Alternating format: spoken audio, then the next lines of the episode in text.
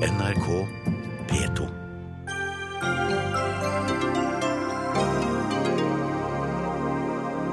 Datalagringsdirektivet bryter med grunnleggende menneskerettigheter, ifølge EU-domstolen. Nå må Høyre innrømme at partiet har tatt feil, sier Venstre.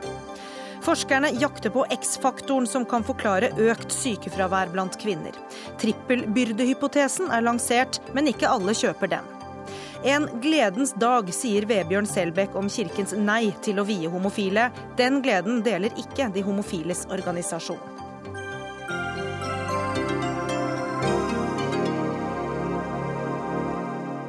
God ettermiddag, jeg heter Gry Blekastad Almås, og her i Dagsnytt 18 får vi også besøk av lederen for det som beskrives som et byråkratisk monster. Og den beskrivelsen gjelder altså ikke vår gjest Per Christian Foss, men Riksrevisjonen, som han nå leder. EUs eh, datalagringsdirektiv bryter altså med grunnleggende menneskerettigheter. Det slår EU-domstolen fast i en fersk dom i dag. Dermed er det usikkert hva som skjer med lagring av data og telefontrafikk her i landet. Vi skal snart ta den politiske debatten, men eh, først professor ved Senter for europarett ved Universitetet i Oslo, Finn Arnesen. Helt kort, hva er datalagringsdirektivet? Helt kort så er det et eh, direktiv, altså et pålegg til medlemsstatene i EU om å gi regler om lagring av kommunikasjonstrafikk og, oppbevar og oppbevaring av denne i eh, en viss periode, minst et halvt år, er det vel. Og det er noen regler der også om bruk av denne eh, informasjonen etterpå. Det er kortversjonen. Og hva er det denne dommen sier om dette i dag? Den dommen eh, sier at eh, den lagringen direktivet pålegger, er så omfattende at vi har å gjøre med et massivt inngrep i eh, til, respekten for privatliv, familieliv osv. Og, og vernet om personopplysninger. Og Et så massivt inngrep, sier domstolen, kan bare opprettholdes der det er nødvendig for å forfølge det vi kan kalle gode hensyn. Og de gode hensynene eh, som da direktivet er forankret i, det er da hensynet til eh, kriminalitetsetterforskning, bekjempelse, internasjonal fred, slike ting. Og det finner EU-domstolen at det er på plass. Og det er ikke noe i veien med, med hensynene bak her. Eh, så er det da et krav at de tiltakene man treffer, altså lagringen, er egnet til å ivareta disse hensynene, og det finner EU-domstolen at også er på sin plass. Men så er da Eh, på en måte lakmustesten om dette her er nødvendig. Kan, og Der eh, kommer domstolen til at når vi har å gjøre med så massive inngrep, så stiller det strenge krav til eh, omfanget av eh, lagring og rettssikkerhetsgarantier for dem opplysninger blir lagret om osv. Og, så og det er her direktivet svikter. Og sier altså eh, EU-dommen at dette er brudd på menneskerettighetene? ikke sant? Ja, eller brudd på eh, EUs charter om grunnleggende rettigheter. Mm. og, der, og de aktuelle bestemmelsene der eh, som da er i og for seg EU-spesifikke, men de speiler bestemmelser vi finner i Den europeiske menneskerettighetskonvensjonen osv., som jo Norge har bundet av. Ja, og så er det jo sånn da at uh, Norge, selv om vi ikke er medlem av EU, har uh, tatt dette datalagringsdirektivet uh, og vedtatt det også for Norge. Det er ikke satt i verk ennå. Men hvilke følger tror du at eh, dagens dom vil få for den norske versjonen da, av dette direktivet? Ja, altså for det første så har vi jo ikke tatt datalagringsdirektivet ennå. Det ligger i, på, i kjøleskapet i EØS-komiteen, litt enkelt sagt. Eh, og det kan vi jo takke islendingene for. Eh, slik at direktivet er ikke en del av EØS-avtalen per i dag. Eh, og med denne dommen fra EU-domstolen så er det veldig vanskelig å forestille seg at det skal bli foreslått for innlemmelse i EØS-avtalen. Rett og slett fordi EØS-avtalen jo også binder EU. Det glemmer vi av og til her på berget. Men det, jo, det å ta inn direktivet der ville jo innebære at man tok inn et, regel, et regelsett i, i EØS-avtalen som EU-domstolen har funnet at er i strid med grunnleggende rettigheter i EU. Og det er, ikke, det er ikke snakk om at det kommer til å skje, rett og slett. Trine Skei Grande, leder i Venstre. Eh, du jubler i dag. ja, det var en fantastisk nyhet. Vi må si at vi hadde venta den, egentlig. Og når vi behandla datalagringsdirektivet i Stortinget sist, så var det mange av oss som påpekte at det, disse prosessene er på gang, og dette tror vi kommer til å skje. Våre søsterpartier i Europa har jo kjempa hardt imot direktivet og, og reist problemstillinger knytta til det, og nå er det slått fast. Dette er ulovlig. De sier til at det gir folk en følelse av kontinuerlig overvåking overvåking. Det er ikke noe det er en ukritisk bruk av data og hvem man gjør det til. Så veldig mye av det vi sa i den debatten, og veldig mye av våre innvendinger mot å implementere det i Norge, viser seg å, å være noe som EU-domstolen deler oppfatninga til. Venstre har vært imot. Høyre har vært delt. Eh, Trond Helleland, du er parlamentarisk leder, eh, men du var blant de i Høyre som stemte for eh, dette direktivet. Hva sier du i dag, da? Jeg konstaterer jo at EU-domstolen har vært klar og sier at direktivet er invalid eller ugyldig. Og det må vi ta til etterretning. Regjeringen ser nå på dommen, og det var en grei gjennomgang av Arnesen her. Eh, jeg tror Det som er viktig å få frem, er jo at hensikten med dette det var jo en, for så vidt en respons på terroraksjoner, både 9-11, men først og fremst Madrid og London.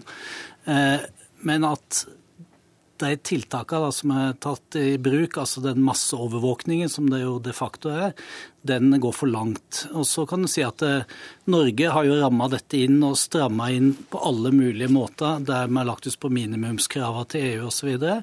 EU-direktivet eh, e var veldig åpent. Det hadde 6-24 måneders lagringstid og en del sånne ting. Men først og fremst så må regjeringen nå gå gjennom dette. Vi ønsker naturligvis en lovgivning som kan forhindre terrorvirksomhet, som kan forhindre grove overgrep eh, og organisert kriminalitet. Men eh, vi må naturligvis se på den dommen. Det er helt avgjørende at vi gjør det. Jeg syns jeg hører her at du fortsatt forsvarer den norske varianten som du har gått inn for tidligere. Betyr det at du vil eh, arbeide videre for å få den innført? Jeg sier ikke at vi forsvarer den norske varianten, fordi det var ikke Norges praksis som var oppe til domstolen, det var EU-direktivet. og Norge har ikke implementert det riktig som det er sagt. Men, men, hva vil skje med den norske versjonen? Ja, Det må vi jo da vurdere på bakgrunn av den som har kommet. Det jeg sier det at det er viktig å ivareta også de hensynene som da EU-domstolen faktisk har sagt er gyldige, nemlig at den skal kunne bekjempe grov kriminalitet over landegrensene. Det er viktig at det er noe felles europeisk regelverk her, fordi at mye av kriminalitetsbekjempelsen i dag skjer jo over landegrensene. Men eh, det er åpenbart da at eh, det som har vært fellende, det er jo at eh, dette er brudd på menneskerettighetene eller på, på charteret, EU-charter. Det må vi naturligvis diskutere hvordan vi skal møte det. Jeg sier ikke at vi nå har en løsning, jeg sier at vi må studere dommen og vi må diskutere dette før vi kan komme videre. Ja, og Skei Grande, Du trenger ikke å, å, diskutere så mye før du ender med at du vil legge dette her i, i skuffen. Men hvorfor skal ikke politiet få eh, bruke disse elektroniske eh, sporene hadde jeg nær sagt, i sin etterforskning som, som viktige beviser i kriminelle saker? Ja, det gjør de i dag. De har tilgang på masse informasjon om oss. Eh, det er domstolskontroll på det. Det er rammer rundt det i dag. Eh, vi ser ingen grunn til at du skal pålegge private aktører å lagre sånne ting. Problemet med datalagringsdirektivet og dens utforming er jo at det er kjempelett for enhver som ikke har rent mel i posen, å komme unna det. Mens det er en massiv overvåking av alle oss som har rent mel i posen. Eh, det, det, domstolen sier at dette er en enorm tilrettelegging for hacking. Det er en tilrettelegging av privat informasjon som er ute av proporsjoner i forhold til det man ønsker å gjøre noe med. Så min sin oppfordring til regjeringa er å sette seg ned med det regelverket vi har. Se hvordan det kan tilrettelegges i forhold til kriminalitetsbekjempelse og terroristforkjempelse. Men sørg for at eh, privatlivets fred blir akseptert. og så ta heller de store fiskene, og så får eh, heller vi vanlige folk slippe unna. Hvor aktuelt er det for regjeringspartiet Høyre å skrinlegge hele eh, dette direktivet og heller jobbe med det som fins? Som sagt, Vi må studere dommen, vi må se på hva EU gjør. Jeg er kjent med at EU-kommisjonen eh, innkalte et møte på fredag, der ekspertgruppa som har jobbet med dette, skal innkalles. Der har også Norge anledning til å møtes.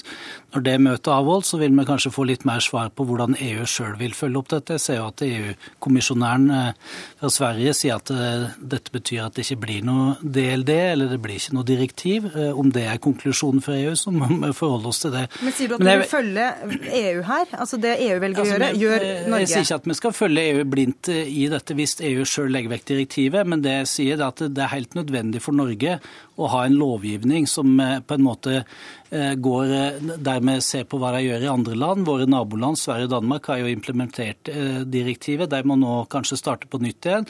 Men det er viktig å ha en felles lovgivning, eller mest mulig kompatibel lovgivning, når det gjelder det å bekjempe grenseoverskridende kriminalitet. Nettkriminaliteten øker kraftig. Mye skjer via nettet. Da er det viktig at norske myndigheter også har muligheten til å utveksle informasjon og kunne avdekke den grove kriminaliteten. Jeg er glad for det Trine Skei Grande sier om at hun ønsker også eh, virkemidler i kampen mot den kriminaliteten som foregår internasjonalt. Og da, da er jo det et utgangspunkt for å gå videre. Jeg syns det er viktig å ikke ha Sverige som mal.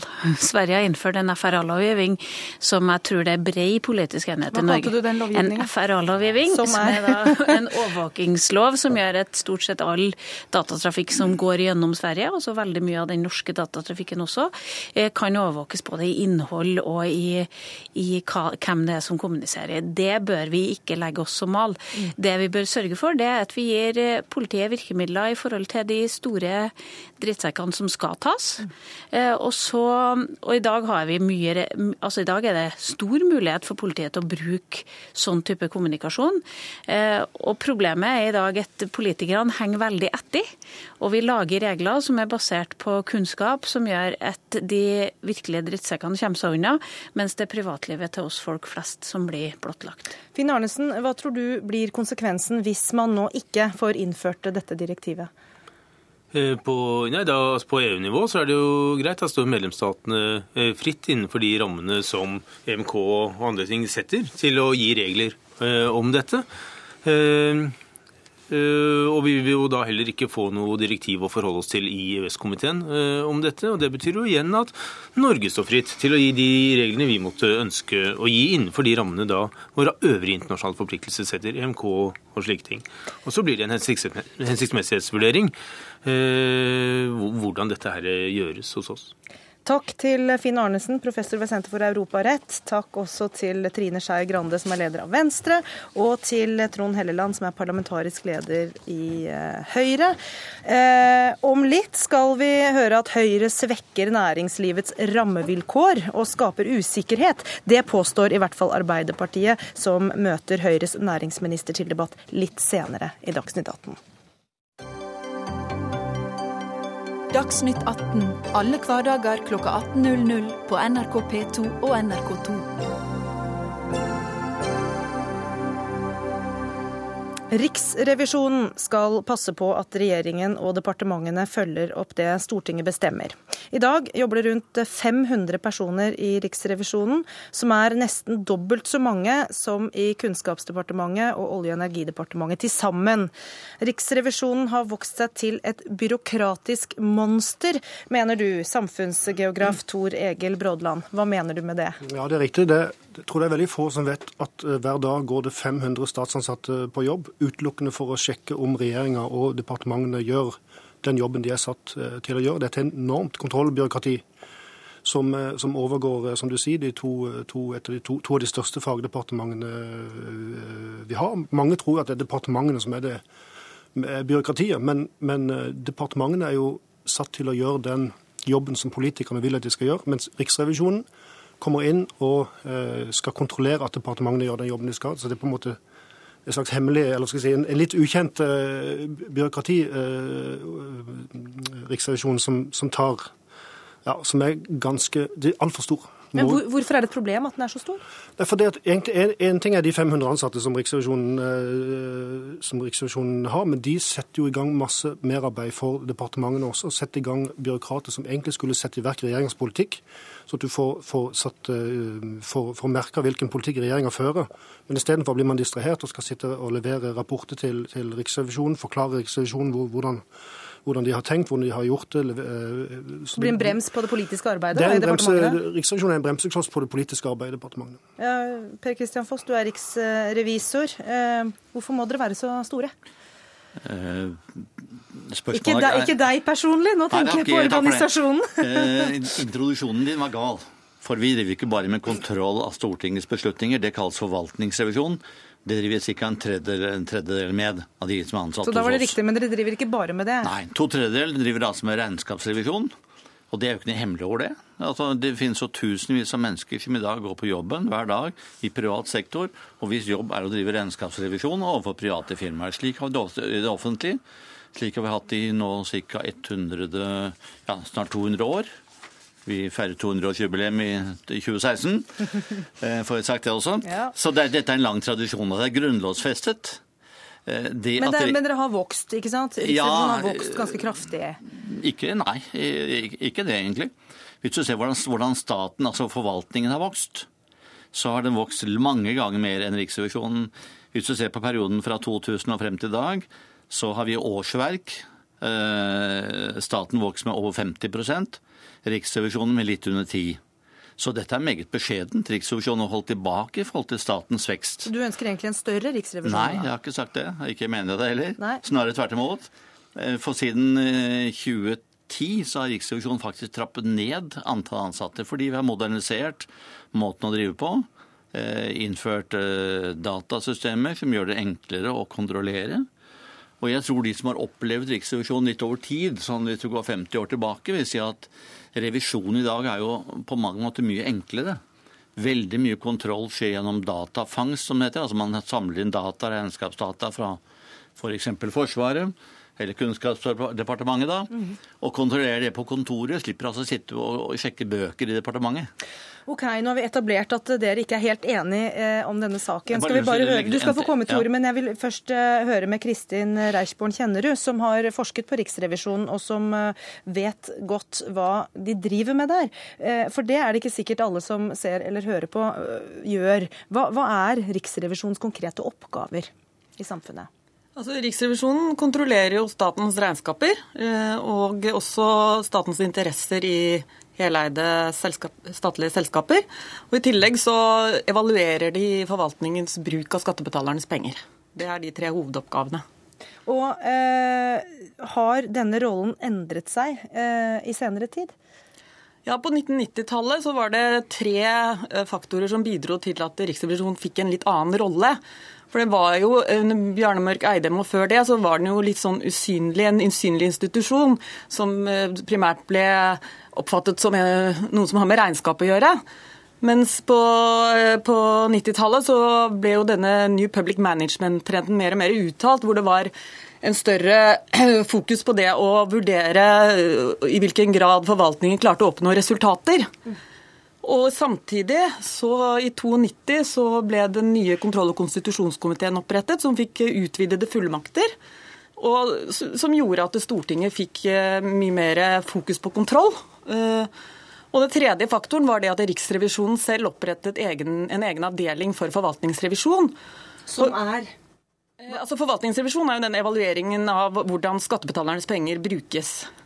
Og det gjorde jo at de fikk eh, altså mye, skrev mye bedre rapporter og, og kunne lage flere rapporter eh, som var politisk relevante. da. Men denne kontrollen, Brodland, er vel viktig at noen faktisk påser at eh, det som skal eh, skje med skattebetalernes penger, faktisk skjer? Ja, Det er viktig, og jeg er ikke for å nedlegge Riksrevisjonen, men jeg mener at, at et halvt tusen kontrollører, statsansatte kontrollører er for mye. Det, det er et tall som er helt ute av proporsjon. Jeg mener det bør kuttes med en 100-150 Ja, men nå hører vi jo at veksten er lavere enn veksten Ja, i Det spørs forvaltningen for øvrig. hvordan, hvordan du regner. Riksrevisjonen har hatt en vekst på 25% fra, fra de siste 12-15 årene. Den Veksten i departementene har vært på rundt 9% så det spørs hva du setter under, under brøken. Men jeg mener at det, det, som- det som hun tar opp her er ganske viktig. fordi at hele eller Mye av Riksrevisjonens arbeid er et uttrykk for en utvikling i vår tid som har gått på mer skal si, mer måling, mer kontroll, mer mistenkeliggjøring, eh, mer kontrollbyråkrati. Det er en, det er en trend i, i tiden som Riksrevisjonen er et ganske interessant og egentlig litt eh, skal si, deprimerende uttrykk for. fordi det, bruk, det brukes altfor mye tid på, på kontroll. og det, er- det er årsverk som burde vært til i, i departementene til å sette i verk regjeringens politikk. Det kunne vært årsverk som vi hadde hatt i skolen, i sykehusene. Det er, det er så mange steder hvor vi trenger produktiv virksomhet, istedenfor at vi driver og kontrollerer hverandre og sjekker og måler og, og, og bruker altfor mye tid på 100-150 færre stillinger. Vil du klare å gjøre de oppgavene du er satt til å gjøre da, da? da, da fyller man ikke Stortingets mål. Altså, Vi jobber jo ikke ut fra no, no, en egen idé eller trender i tiden, som du sier. Vi jobber ut fra en lov og et reglement Stortinget har fastsatt, senest i 2004. Da kommer forvaltningsrevisjonen inn for fullt. Og siden det, forvaltningsrevisjonen altså kom inn som en ny oppgave, så har man øket antall stillinger med noe sånt som en, en ti-tolv stykker. Så å si at dette har vokst til mammutstørrelser, det er fullstendig galt. Jeg vet ikke om vi skal diskutere de tallene, men jeg hører at dere opererer med forskjellige tall, så det er litt sånn vanskelig men, men, å forholde seg til. I og med at vi nå er i NRK, så er det litt viktig at, at tallene er korrekte. Og uansett hvordan du måler det, i prosent, budsjett, kroner, eller du måler årsverk, antall ansatte, så er staten vokst på alle, på alle måter å manne på, mer enn Riksrevisjonen. Men Høyre, altså du er jo tidligere Høyre-mann og, og, og, kan jo helt sikkert Du er vel nåværende Høyre-mann, men du er ikke i den rollen som en Høyre-mann. ja. Men dere er jo ikke for at byråkratiet skal vokse seg så veldig Nei, men, stort som ellers. Hvorfor er det riktig i Riksrevisjonen? Ja, snakker du om staten eller Riksrevisjonen? Ja, nå snakker jeg om byråkratiet. Jeg ja, men jeg, jeg, anser ikke revisor som en del av byråkratiet. Snarere tvert imot er det de som er satt på, satt på, plass for å passe på at pengene brukes riktig. Jeg tror de fleste er glad for at vi i Norge kan si at vi har en forvaltning som er nesten korrupsjonsfri, fordi vi har hatt en hundreårig tradisjon for kontroll med pengebruken. Og I tillegg har Stortinget funnet det nødvendig som en del av grunnlovsoppgavene å si at vi vil ha en forvaltningskontroll vi vil altså sjekke, Stortinget vil sjekke at det de vedtar, faktisk blir fulgt opp av, departementene. Og det gir en del interessante funn. Uh, som gir, vi også gir anbefalinger til hva departementet skal gjøre for å komme videre. Ikke... Og På denne måten er det avdekket en god del uh, som har politisk interessert Stortinget opp gjennom tidene. Og Brodland, det er vel også effektivt? Uh... Riksrevisjonen har kommet med mange interessante og gode rapporter som jeg har lest. De har gjort en glimrende jobb på bl.a. effekten av Per Kristian Foss sin konkurranseutsetting av veivedlikehold, der vi så at utgiftene steg med nærmere 100 Jo, men Da forstår jeg ikke helt kritikken din, hvis jo, det er en glimrende jobb de leverer. Nei, jo, men det, det spørsmålet er ikke om de gjør Jeg har ikke sagt de gjør en dårlig jobb, jeg sier bare at det er for mange av de. Det er for mye byråkrati knyttet til det. Og la meg si en annen effekt også knytta til Riksrevisjonen, eller det at vi har så, så, mange statsansatte som går på jobb hver dag for å sjekke. Det vi, det vi, per Kristian Foss burde lytte litt mer til sin partikollega øh, Kristin Clemet, som har skrevet en rapport om Riksrevisjonen, som sier at effekten på lang sikt av Riksrevisjonen er at vi får mindre djerve politikere. fordi at man tør ikke sette seg mål som Riksrevisjonen i andre, eh, si, andre skritt nummer to kommer og, og, slår ned på og lager masse dramatikk i mediene. Altså man, får litt, man får grå av fire politikere fordi at ingen som tør å sette seg noen djerve, djerve mål. Og Det synes jeg også er en forflating og, og forgråing av demokratiet som er trist. Da skal riksrevisor Per Christian Foss få svare på det som den siste svaret i denne runden. Jeg lytter gjerne til Kristin Clemet og Sivita, men det er ikke min jobb å gjøre det nå. Eh, vi har kun én å lytte til, og det er Stortinget, som har gitt oss lov, budsjett og gitt oss den nye oppgaven vi har. Vi er Stortingets organ, ikke noe organ utenfor Stortinget. Verken Civita eller eh, for den saks skyld forvaltningen. Og kommet for å bli, i hvert fall en stund til. Takk skal du ha, eh, Per Christian Foss, riksrevisor. Takk også til Tor Egil Brodland, som er samfunnsgeograf, og Kristin Reichborn Kjennerud, stipendiat ved Institutt for, Institutt for administrasjon og organisasjonsvitenskap ved Universitetet i Bergen.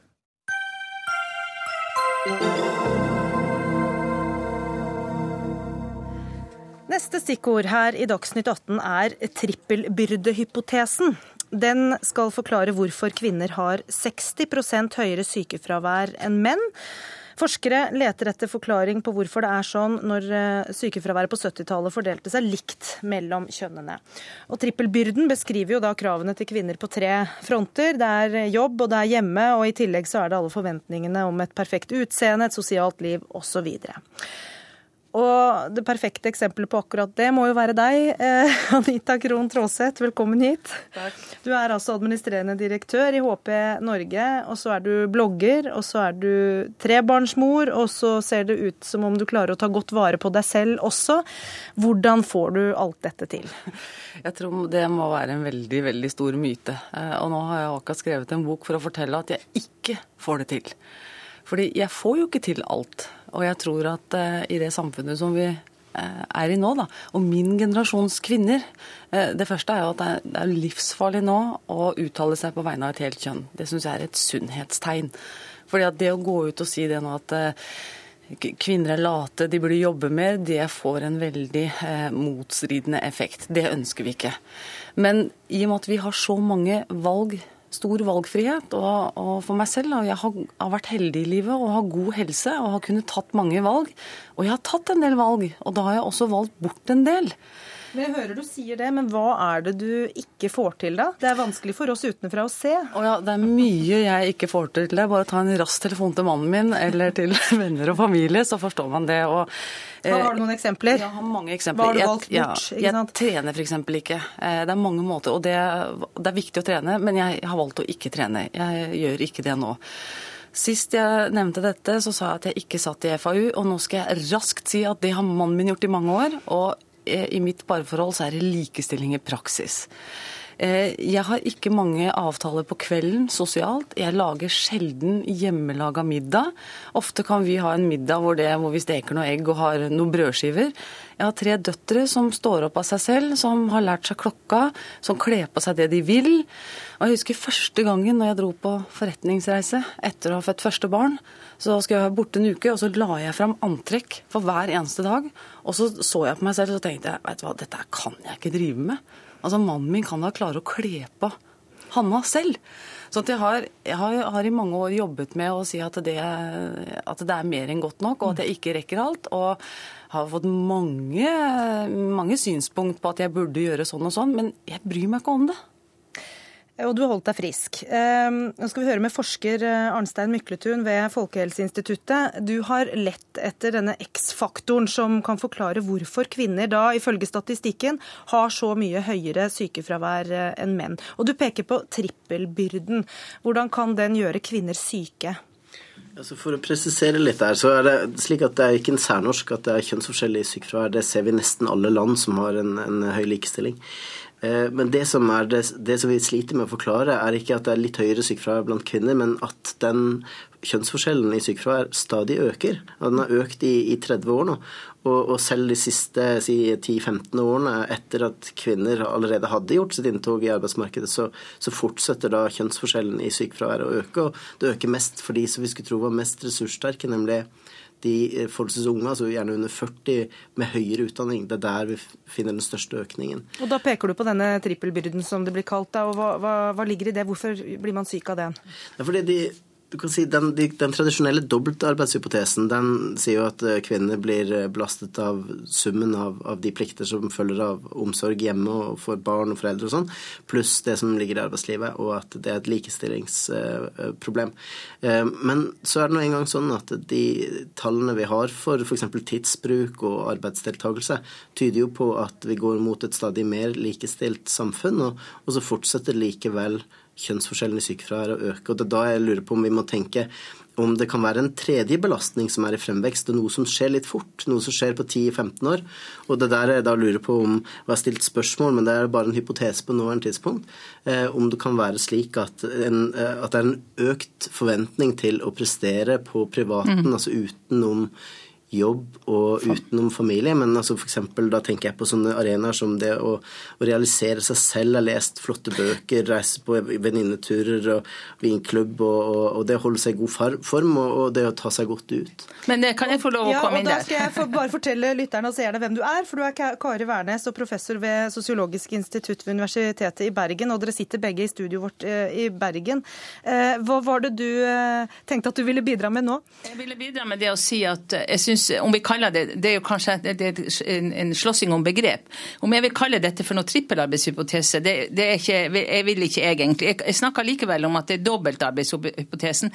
Men jeg tror jo at det som har skjedd, er at både krav til både utseende og til å være i form og sånn, er, også, er både en del av kvinners rolle i familien, i omsorgen og også i i jobben. Altså at det hører med på disse arenaene at kravene er blitt større. Og så syns jeg når vi diskuterer økningen, og vi diskuterer at mer velutdannede kvinner i bedre jobber har, har økt sykemeldingen, så må vi likevel holde fast ved at de som har den største belastningen, og som er mest sykemeldt, det er de i de dårlige eh, og mest lavtlønnede jobbene, selv om ikke økningen har vært der. Så det er egentlig to forskjellige ting vi her, vi her diskuterer. Jeg vil holde fast på dette med flertallet hvor flertallsproblemet, hvor flertallet ligger. Men samtidig vil jeg jo selv si, som da en vellykket karrierekvinne på en måte, fra en tid hvor det var, ikke var så vanlig, at jeg ser veldig stor forskjell på sånn som kravene er nå.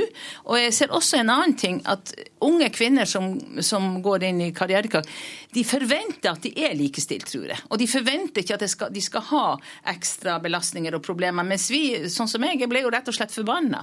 Fordi at vi var det. Vi forventa at vi skulle ha større kamp, og, og var mer sint på 70-tallet. Og det tror jeg kanskje også er litt viktig å tenke på i denne sammenhengen. Ja, er det den mangelen på sinne som gjør oss syke, Mykletun? Jeg vet ikke hva din forskning sier om akkurat det? Jeg syns det er viktig å skille mellom syk og sykemeldt ja. i denne sammenhengen. Ja. fordi at vi Folkehelsemessig så ligger Norge veldig godt an. Vi har høy levealder og vi har ikke noen spesielle sykdomsbyrder. Men ifølge OECD så har vi det høyeste sykefraværet i verden. Eh, og sånn sett, når vi da også har en stor kjønnsforskjell i, i sykefraværet, en økende så er da kvinner de mest sykemeldte kvinnene i verden trolig kanskje muligens eh, på nivå med svenskene, som også har ja. høy kjønnsforskjell i sykefravær. Men hvorfor rammer denne trippelbyrden bare kvinner, og ikke den moderne mann også? Nei, altså, bare understreke at Det er bare en hypotese på nåværende tidspunkt. Men, men ja. det vi leter etter, er en, en belastning som øker så fort som på, i løpet av en, en, litt mindre enn en generasjon, og som da er en kjønnsforskjell i altså en belastning som rammer kvinner mer enn menn. Og, og jeg sendte ut en, en, forskningsassistent en gang med noen penger og ba han om å kjøpe sånne dameblader som rettet seg mot denne gruppen mm. da, hvor hvor, eh, hvor, hvor, kjønnsforskjellen i sykefravær øker så kraftig. altså Relativt unge damer, gjerne med barn og, og karriere. 30-40-årsalderen. Og, og Sånn som jeg leser de utskriftene, så står det sånne ting som man kan oppfatte som direktiver. altså Sånn, sånn få bedre samvittighet med utropstegn, og, slik uh, får du penere lepper, og, og så videre. Mm. Så det er det er ikke jeg i tvil om. Jeg er ikke i tvil om at, at, er, at belastningen eh, på sånne ting eh, er, er, større på dagen, og at man skal eh, rekke alt. Også, men jeg tror også at en, en, også en annen ting barn, Arbeid med barn regnes jo ikke lenger som arbeid. Man sier at kvinner går hjemme med barn. Vi har også et krav fra, også fra feminister og likestillingsfeminister at du skal klare heltidsarbeid. Hvis ikke du klarer heltidsarbeid, er du ikke god nok. Mm. Sånn at eh, Jeg tror det er veldig mange belastningsfaktorer. Det er også nå at du har du, du er større krav til kvaliteten på din barneomsorg. Eh, du skal, og, og at kvinner enda har det, føler det kravet større på seg enn menn gjør. Det er ikke noe rart. og jeg synes jo også, håper at, ikke, at det ikke blir slik at det er bare menns prioriteringer som skal gjelde. At kvinner skal prioritere barn like lite ofte som menn gjør, for da har vi et vondt samfunn for barn. Det er, det er mange krav, eh, og Anita Krohn Traaseth, du, du nevnte innledningsvis her at du har tatt noen valg. men sykdom er vel ikke et personlig valg man tar. Jeg kan tenke meg at det sitter mange som er eh, mm. syke og ikke kan jobbe, og i hvert fall ikke fullt pga. det, som kanskje blir litt provosert også ja, og det. forstår jeg veldig godt. Fordi jeg, jeg, altså de som ikke er friske og har en sykdom eller har en diagnose som gjør at de er på attføring eller ikke kan snu en situasjon, de er i en spesiell situasjon. Og de blir ekstra eh, provoserte når de hører sånn at det er bare å skjerpe seg, det er bare å bli frisk. Eh, og det Eller det er bare å ta valg, som du sier da. Valg, ja. men, men, jeg sa også i det, i det, jeg sa at jeg tok valg, så sa jeg at jeg har vært heldig som har god helse. Jeg har god mental helse, og jeg har god fysisk helse. Eh, og vært heldig da, selv om jeg ikke trener. Og jeg trente når jeg var ung. Men jeg syns det som er interessant med den trippelbyrde eh, eh, som vi snakker om nå fordi Tradisjonelt så har vi tre hypoteser når vi har prøvd å skulle forklare dette problemet. Og Det ene er har kvinner generelt dårligere helse. Og så Det er kvinnehelsehypotesen. Og så har du arbeidsmiljøhypotesen, som da beskriver at én av tre kvinner driver jo i tunge omsorgsyrker yrker. Eh, som gjør at vi tar på oss arbeid som gjør at vi får ha fysiske og psykiske plager. Og disse tingene pekte en SINTEF-rapport på i dag også, ja. som en forklaring her. Og Den tredje er denne dobbelthypotesen, som nå har blitt utvidet, virker det som, og som, og som jeg mener er relevant. Fordi at den mm. tar i seg et perspektiv rundt samfunnet vi lever i. Og det kan vi ikke gå, gå ut ifra. Og, de, og, og, så er jeg litt uenig, for at de unge kvinnene jeg snakker med i dag, de tror ikke det er likestilling i arbeidslivet, altså. Nei. De kommer og, og, lurer på liksom, ja, men kan jeg få barn, kan jeg ha barn samtidig som jeg har lyst til å bli direktør? Det ser du i din det ser jeg arbeid. I, i alle stillinger. Så den tror jeg, jeg Jeg tror ikke kommende generasjon er eh, har lukket øynene for det, altså. Vi må uh, sette strek der. Det var veldig interessant å høre på dere, og debatten kommer nok til å fortsette i uh, andre fora. Takk til Anita Krohn Traaseth her i Oslo og Arnstein Mykletun og Kari Wærnes i Bergen.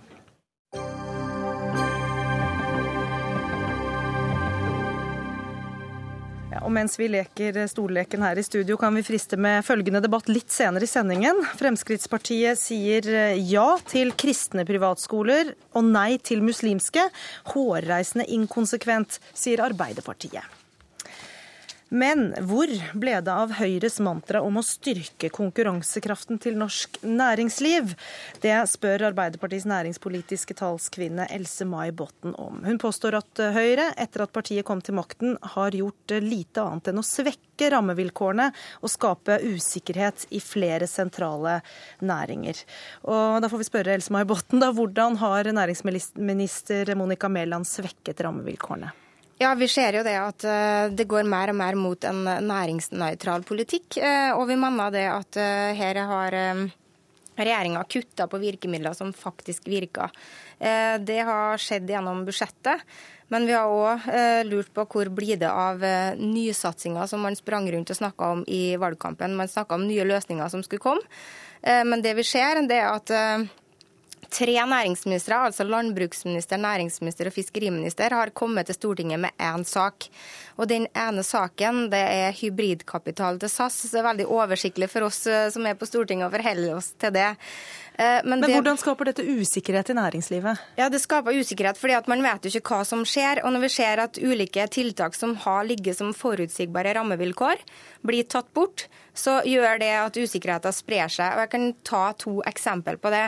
Eh, det ene er det som går på CO2-kompensasjon, som er veldig viktig eh, rammebetingelser for industrien.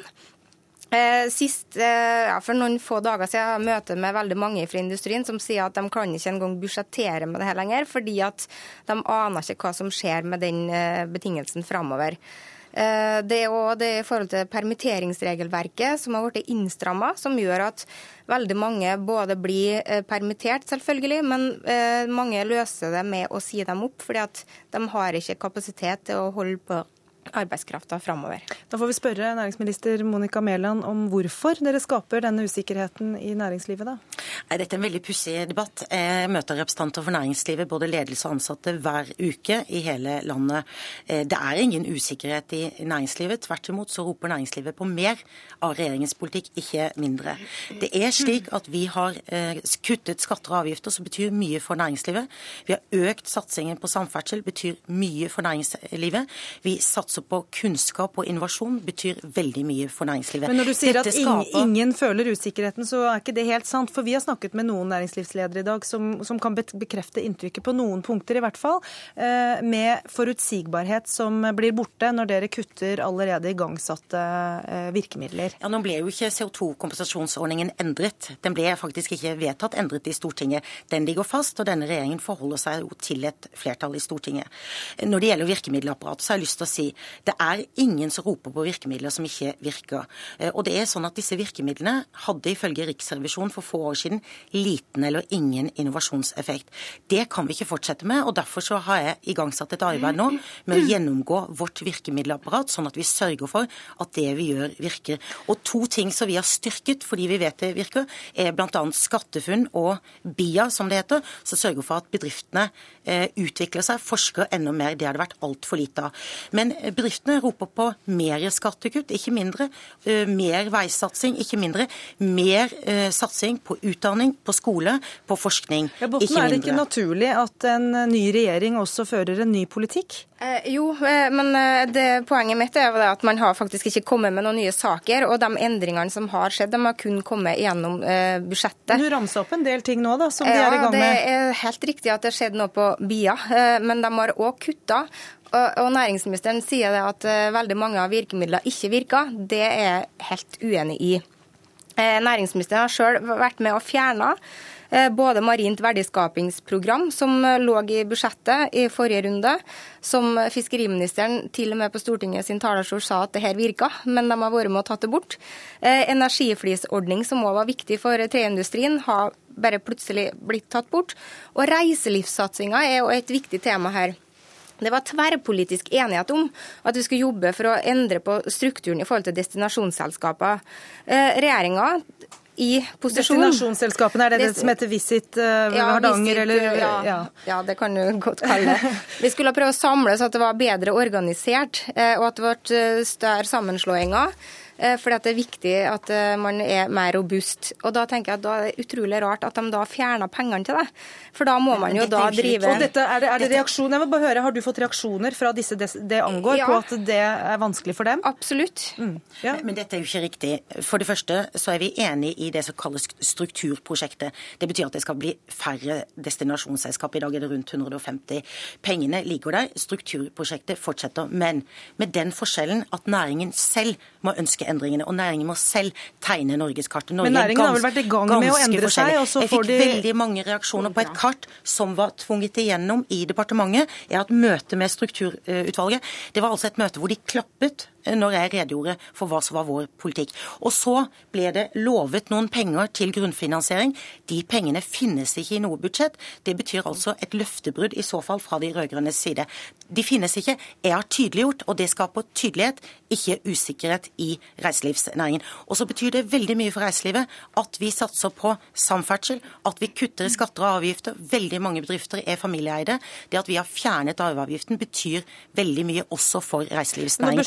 Botten her for løftebrudd, så vi må bare få lov til å gi en anledning til å svare på, Vi på det. Vi er ganske vant til at regjeringa skylder på en forferdelig arv de har fått eh, fra forrige regjering, og jeg tenker jo at det er jo like morsomt hver gang. For jeg, Men nå sier de at du har løft, eller brutt løfter og, Ja, og ikke vrir på det. Det finnes ikke noe budsjett. Jo, Heller ikke noe økning av nettolønnsordningen, som dere òg lovet. Nå kan Botten få svare. Ja, I forhold til reiselivssatsinga så ligger jo penger til det i forhold til Innovasjon Norge, så det er jo der man må få tak i de pengene. Når det gjelder nettolønnsordning, som eh, Monica Mæland kommer med her, så er jo det en av de viktige rammebetingelsene som skal ligge fast for å gjøre eh, en forutsigbarhet for den næringa. Det med å styrke konkurransekrafta til sjøfolka og viktig og ble innført av oss. Det er en veldig god arv å ta med seg, Monica.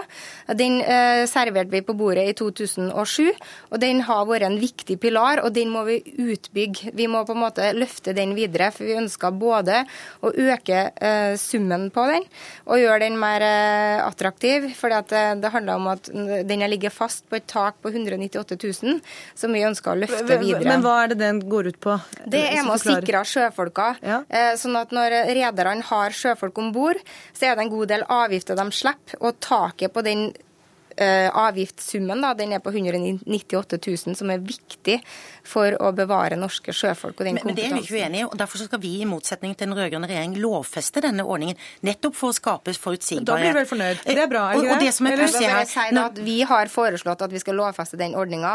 Og så det står men da er dere ikke- enige om den ordningen, da? det er vi veldig enige om. Så bra. Men det som er, det som er utfordringa, det var at før vi tok over, så var det uforutsigbarhet i forhold til den nettolønnsordninga. Den vippa att og fram. Ulike summer, ulike ting å forholde seg til med høyrestyrt regjering. Så jeg håper nå at Monica Mæland tar med seg den arven, at man kan legge en forutsigbarhet i den type ordninger. Hun rister på hodet. Men det, men det gjør vi, og det skaper forutsigbarhet. Det samme gjør våre løfter om skattekutt, om økt satsing på samferdsel, og ikke minst at vi satser på skole og utdanning. Det roper næringslivet på.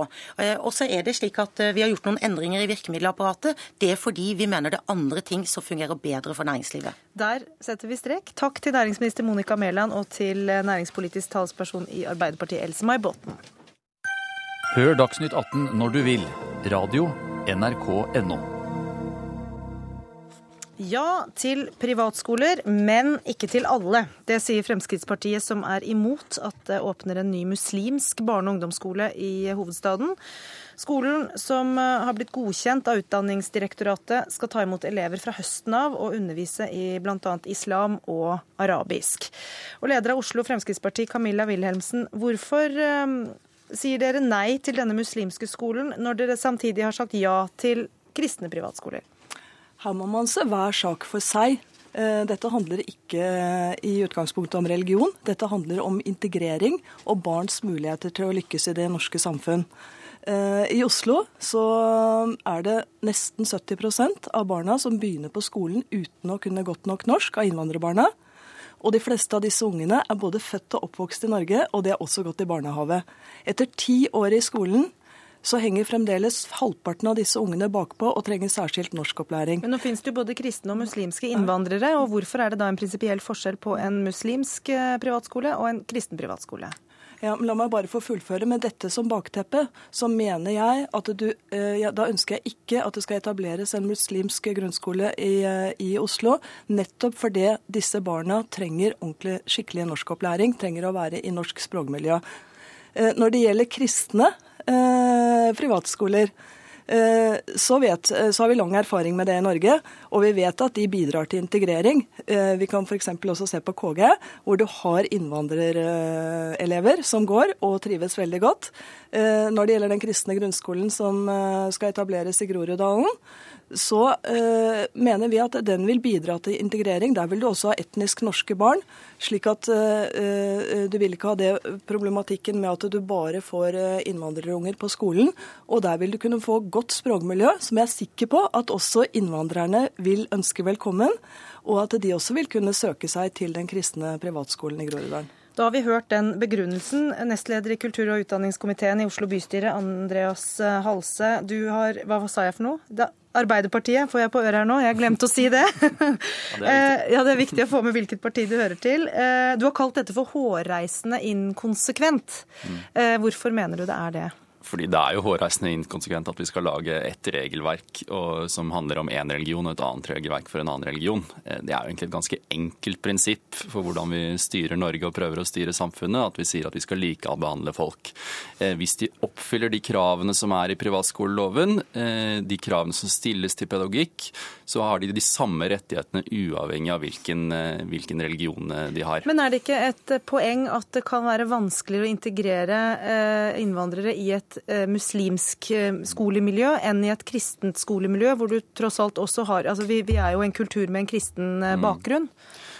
Ja, I Oslo er vi jo en kultur hvor vi har alle mulige slags bakgrunner. Eh, jeg tror det store poenget er at vi burde unngå for flere religiøse privatskoler i, i Oslo. Eh, vi har en framtid i Oslo hvor det kommer til å bo, eh, bo mennesker med bakgrunn fra 160-170 forskjellige land, med masse forskjellige språk, mange forskjellige religioner. Jeg tror det er en stor fordel om alle de barna går i en felles skole fra seksårsalder og lærer å bli kjent med hverandre og lærer å bli kjent med felles kultur. Så jeg er definitivt ingen fan av denne muslimske grunnskolen. men heller ikke noe fan av den, eh, av den kristne grunnskolen som skal etableres i Groruddalen. Jeg tror det var en stor fordel om vi unngikk begge deler. Ja, hvis dere i Fremskrittspartiet er så opptatt av integrering, hadde det ikke da vært en fordel om alle barn gikk på offentlige skoler, og at man ikke hadde noen private skoler, verken kristne eller muslimske? Nei vi, nei, vi, er for eh, et mangfold av skoler. Og vi ser jo at private skoler Men ikke mangfold av religioner? Nei, det er ikke det det snakker om. Hadde, hadde det vært slik at, eh, at, eh, innvandrerbarna hadde lært seg norsk når de kom til Norge, eh, kunne norsk når de begynte på skolen og var vel integrert, så ønsker jeg både muslimske og andre skoler velkommen. Det er ikke det det er snakk om. Det er snakk om integrering. Det er snakk om de store integreringsmessige utfordringene vi har i, i, i, alle fall i Oslo. Og det er snakk om barnets beste, barnets muligheter til å lykkes i det norske samfunnet. og innvandrerbarn må få like store muligheter til å lykkes i samfunnet som andre norske barn. Det er det det handler om for oss. Og Ville det ikke da være eh, lurt å spre dem rundt på alle de offentlige skolene som allerede fins i, eh, eh, i, byen, og ikke ha disse egne private skolene? Hva er mitt spørsmål da? Ja. ja eh, spre de rundt. Nå, nå, er det jo fritt skolevalg, og, og, man må kunne, kunne søke på den skolen man vil. Så vi ønsker ikke at vi skal eh, tvinge folk til å spre. Men hvis folk da vil søke på denne muslimske skolen, hvorfor er det da galt? Ja, vi ønsker i utgangspunktet ikke at den skal etableres, rett og slett fordi vi mener at den ikke vil fremme integrering. Men hvorfor skal det ikke være fritt skolevalg for alle, altså også foreldre ja. som da ønsker denne typen skole? Ja. Når, det gjelder, uh, når det gjelder integrering, så mener vi at integreringsaspektet går foran retten til å skulle etablere en, en privatskole. Det ja, er forskjellen. Dette, dette, er jo illustrerende for hele poenget. Vi kan ikke plukke ut én religion og, eh, og enkelte mennesker og si at det for dere gjelder andre rettigheter rettigheter enn for alle andre. Da driver vi jo ikke med integrering, da driver vi med forskjellsbehandling. Eh, og det tror jeg ikke er noe spesielt god idé. Eh, det er et selvfølgelig mål at vi skal få til integreringen i, eh, i, i, i Oslo-skolen. Jeg tror en av de viktigste tingene vi kan gjøre med det, er å jobbe mer med barnehagen. Vi må rekruttere aktivt for å få flest mulig barn til å begynne tidligst mulig i barnehage. Det hjelper jo f.eks. ikke at eh, regjeringen som Frp sitter i, har laget et budsjett som kutter 48 millioner i barnehagesatsinga i Oslo kommune. Som gjør det vanskeligere for oss å bygge ut det barnehagetilbudet vi har. Vi har 2300 barn i Oslo som står i barnehagekø, og som burde vært i barnehagen. Og ganske mange som er fire-fem år gamle, som dessverre ender opp med å være altfor lang tid i hjemlandet til foreldrene istedenfor å være i Oslo og å gå i en god barnehage hvor de faktisk kan omgås andre eh, som også bor i Norge, eh, og lære norsk språk før de begynner på, begynner på skolen. Men det å dette er veldig viktige tiltak som vi er, altså jobber med kvaliteten i barnehagen, jobber med rekruttering av, eh, av, barn til barnehagen, jobber for å sørge for at eh, de barna som nå sendes ut av landet, eh, faktisk blir overtalt, eller foreldrene blir overtalt til å beholde barna i Norge. Utrolig viktige tiltak. Men vi kan ikke lage et regelverk hvor vi forskjellsbehandler folk på bakgrunn av at du er muslim og du er kristen, og derfor skal du ha ulike regler. Det går bare ikke. Nei, hvordan ser du selv på uh, at dere har så ulik holdning til, des, til, til ulike private skoler, når dere nå er for å ha private skoler i utgangspunktet? Eh, vi mener at integreringsaspektet går foran når vi mener at det er til hinder for integrering. Men tenkte dere ikke på det da dere godkjente disse private skolene, da? Vi har alltid vært for private skoler, for å få et mangfold av skoler. Det Men dette mangfoldet vil dere jo ikke ha når dere går imot den ene ene typen er, skole? Her må vi vurdere hver enkelt skole for seg. Og, og, akkurat når det gjelder denne skolen her, så mener vi at integreringsaspektet eh, må gå foran. Jeg tror det er veldig vanskelig hvis vi lager et lovverk i Norge hvor vi skal vurdere hvert enkelt tilfelle for seg, eh, ut fra et eller annet eh, hensyn som vi ikke helt klarer å definere hva er. Jeg tror det er veldig lurt at vi har allmenne lover som gjelder for alle borgere i Norge. Takk skal du ha, eh, Andreas Halse, og takk til Camilla Wilhelmsen også.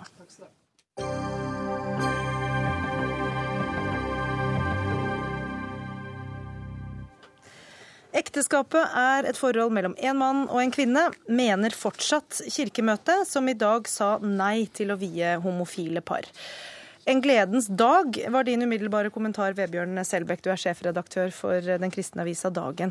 Hvorfor? Ja, Jeg skal ikke sitte her og, og hovere over avstemningsresultatet i Kristiansand. Nei, eh, det var veldig jevnt. Eh, og det kunne like gjerne vært eh, Bård Nyrund her ved min side som var happy her i dag, og jeg som satt og, og deppa litt.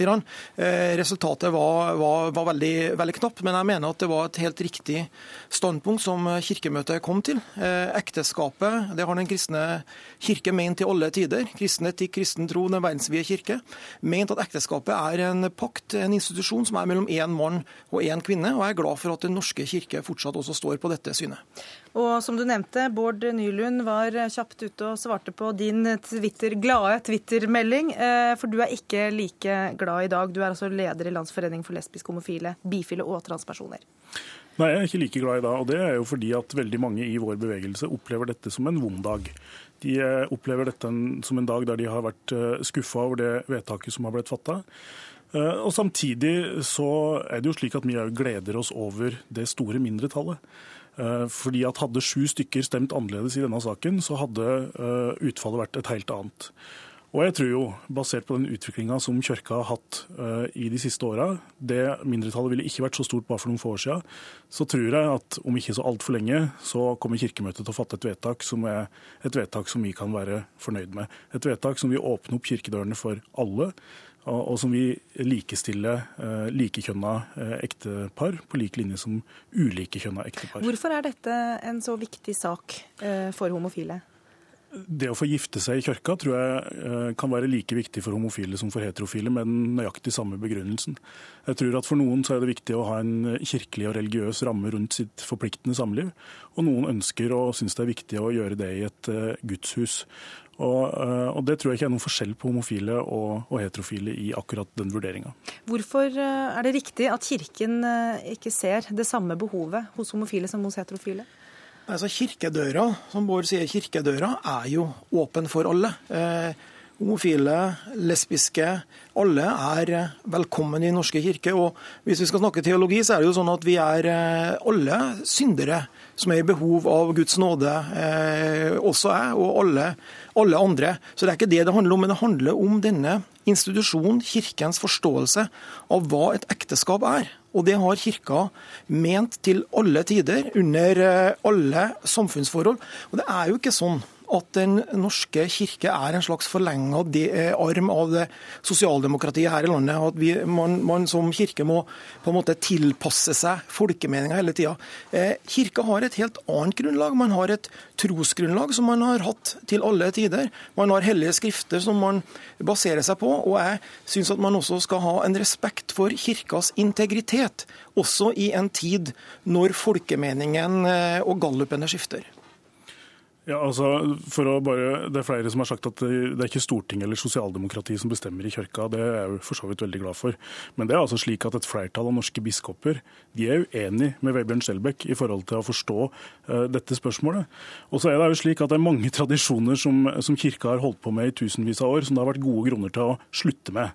Dette er en av de tradisjonene som kirka har hatt i mange år, som det er god grunn til å nå snart slutte med. I Sverige har de slutta med det, i Norge må vi slutte med det. Og jeg tror at for kirka i framtida så er det helt essensielt at man øh, legger seg på den linja som åtte av tolv norske biskoper nå gjør. Og jeg tror at de 64 som stemte mot dette forslaget på kirkemøtet, på ingen måte er representativ for medlemmene i Den norske kirke.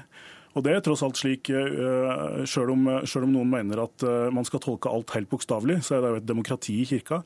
Og jeg, Min oppfordring må jo være at alle de som lar seg opprøre av det som nå skjer, Eh, og som er medlem i Den norske kirke, de må sin, kjenne sin besøkelsestid i forhold til å være med å påvirke, slik at endring kan skje. Vi hadde teologer i dette studio rett før eh, helgen som også var bekymret for at eh, et slikt vedtak som nå er fattet, kan føre til at Kirken taper den neste generasjonen, rett og slett. Deler du den frykten, Selbekk? Altså, det er et demokrati i kirka, og det er det demokratiet som nå har tart i dag. Så hvis man snakker om demokrati, så er jo, er jo det eh, veldig greit. Jeg tror ikke at eh, kirka kommer til å tape. Jeg tror at eh, jeg ser det settes i gang noen utmeldelsesaksjoner og sånne ting. Det, det skjer med jevne mellomrom. Det er sånn at 75 av det norske folk er medlemmer av Den norske kirke. Og det er også sånn at når det virkelig drar seg til i det norske samfunn, det er katastrofer av nasjonal eller lokal art, så er det kirkene folket søker til. Og det, disse dype båndene mellom folk og kirke de er veldig slitesterke, og de kommer også til å overleve det vedtaket som er gjort i Kristiansand i dag. Og Det kommer det til å overleve, for det er ikke så veldig mange år til før kirka kommer til å lande på et annet vedtak. Det kan jeg eh, være villig til å vedde nesten alt det eier og har på. Vi får smøre oss med tålmodighet. Det har vi god tradisjon for i vår bevegelse. Å vente og vente og vente. Historien har vist oss hver eneste gang at vi har det riktige på vår side. Endring har skjedd. Vi ønsker oss aldri tilbake til ei tid der de endringene vi har klart å få til i vår bevegelse, tilbake til ei tid der det var slik det var før. Alt som har skjedd, som den sida har reagert på, og som de har malt dommedag på veggen for, det er vi omtrent alle sammen etter hvert enige om i Norge at har vært med på å gjøre Norge til et mer anstendig samfunn. I 2008 var over 70 av norske befolkning for en felles ekteskapslov. I dag tror jeg det tallet er enda høyere. Til og med KrF vil jo ikke avskaffe partnerskapsloven lenger. Eh, Men hvorfor støtter tror... du en, eh, det som kan se ut som en litt sånn bakstreversk holdning, eh, som i hvert fall hvis vi skal tro din sidemann her, ja. vil komme den endringen før eller siden? Ja, men, men hvordan vet vi det? Altså, Man har jo spådd at dette skulle skje på kirkemøtet i år. At det ville bli et flertall for dette her. Og, og, og spesielt, som, som Bård også sier, åtte av tolv biskoper gikk inn for dette her. Nå har kirkedemokratiet tart. Nå har grasrota i kirka tart. Nå har kirka kirkegjengerne talt. Og det er faktisk sånn at resultatet er at man ikke ønsker vigsel av homofile. 64 ikke... av 51 stemte den veien. så det er en Som jeg sa innledningsvis, så var, så var resultatet veldig jevnt. Men kirkedemokratiet har talt, og det er ikke sikkert at det er så klart at dette her kommer med historisk nødvendighet til å skje i, i, i fremtida. Vi skal ikke dvele med det tapet Mia har lidd. Det bare finner, finner det verdt å peke på at det er altså under 20% som stemmer ved kirkevalg. Vår side har en jobb å gjøre i forhold til å mobilisere de som står på vår side. Det kan godt hende at eh, Selbekk sin side har vært bedre på mobilisering, for jeg nekter å tro at den sida er representativt for de 3,8 millioner menneskene som er medlem av Den norske kirke. Alle undersøkelser som er representative gjort i den norske befolkninga, viser det stikk motsatte.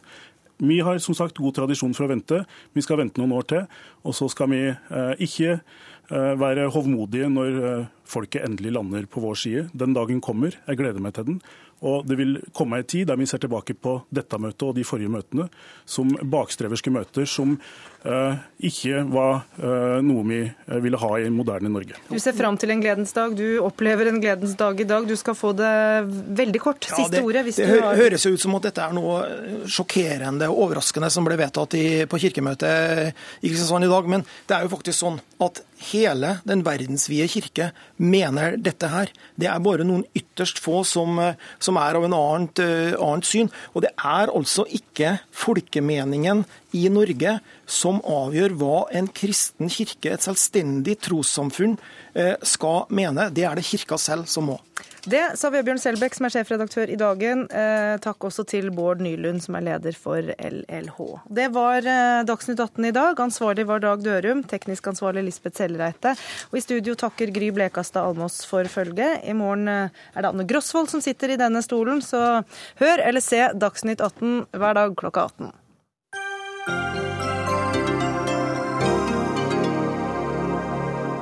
Hør flere podkaster på nrk.no podkast.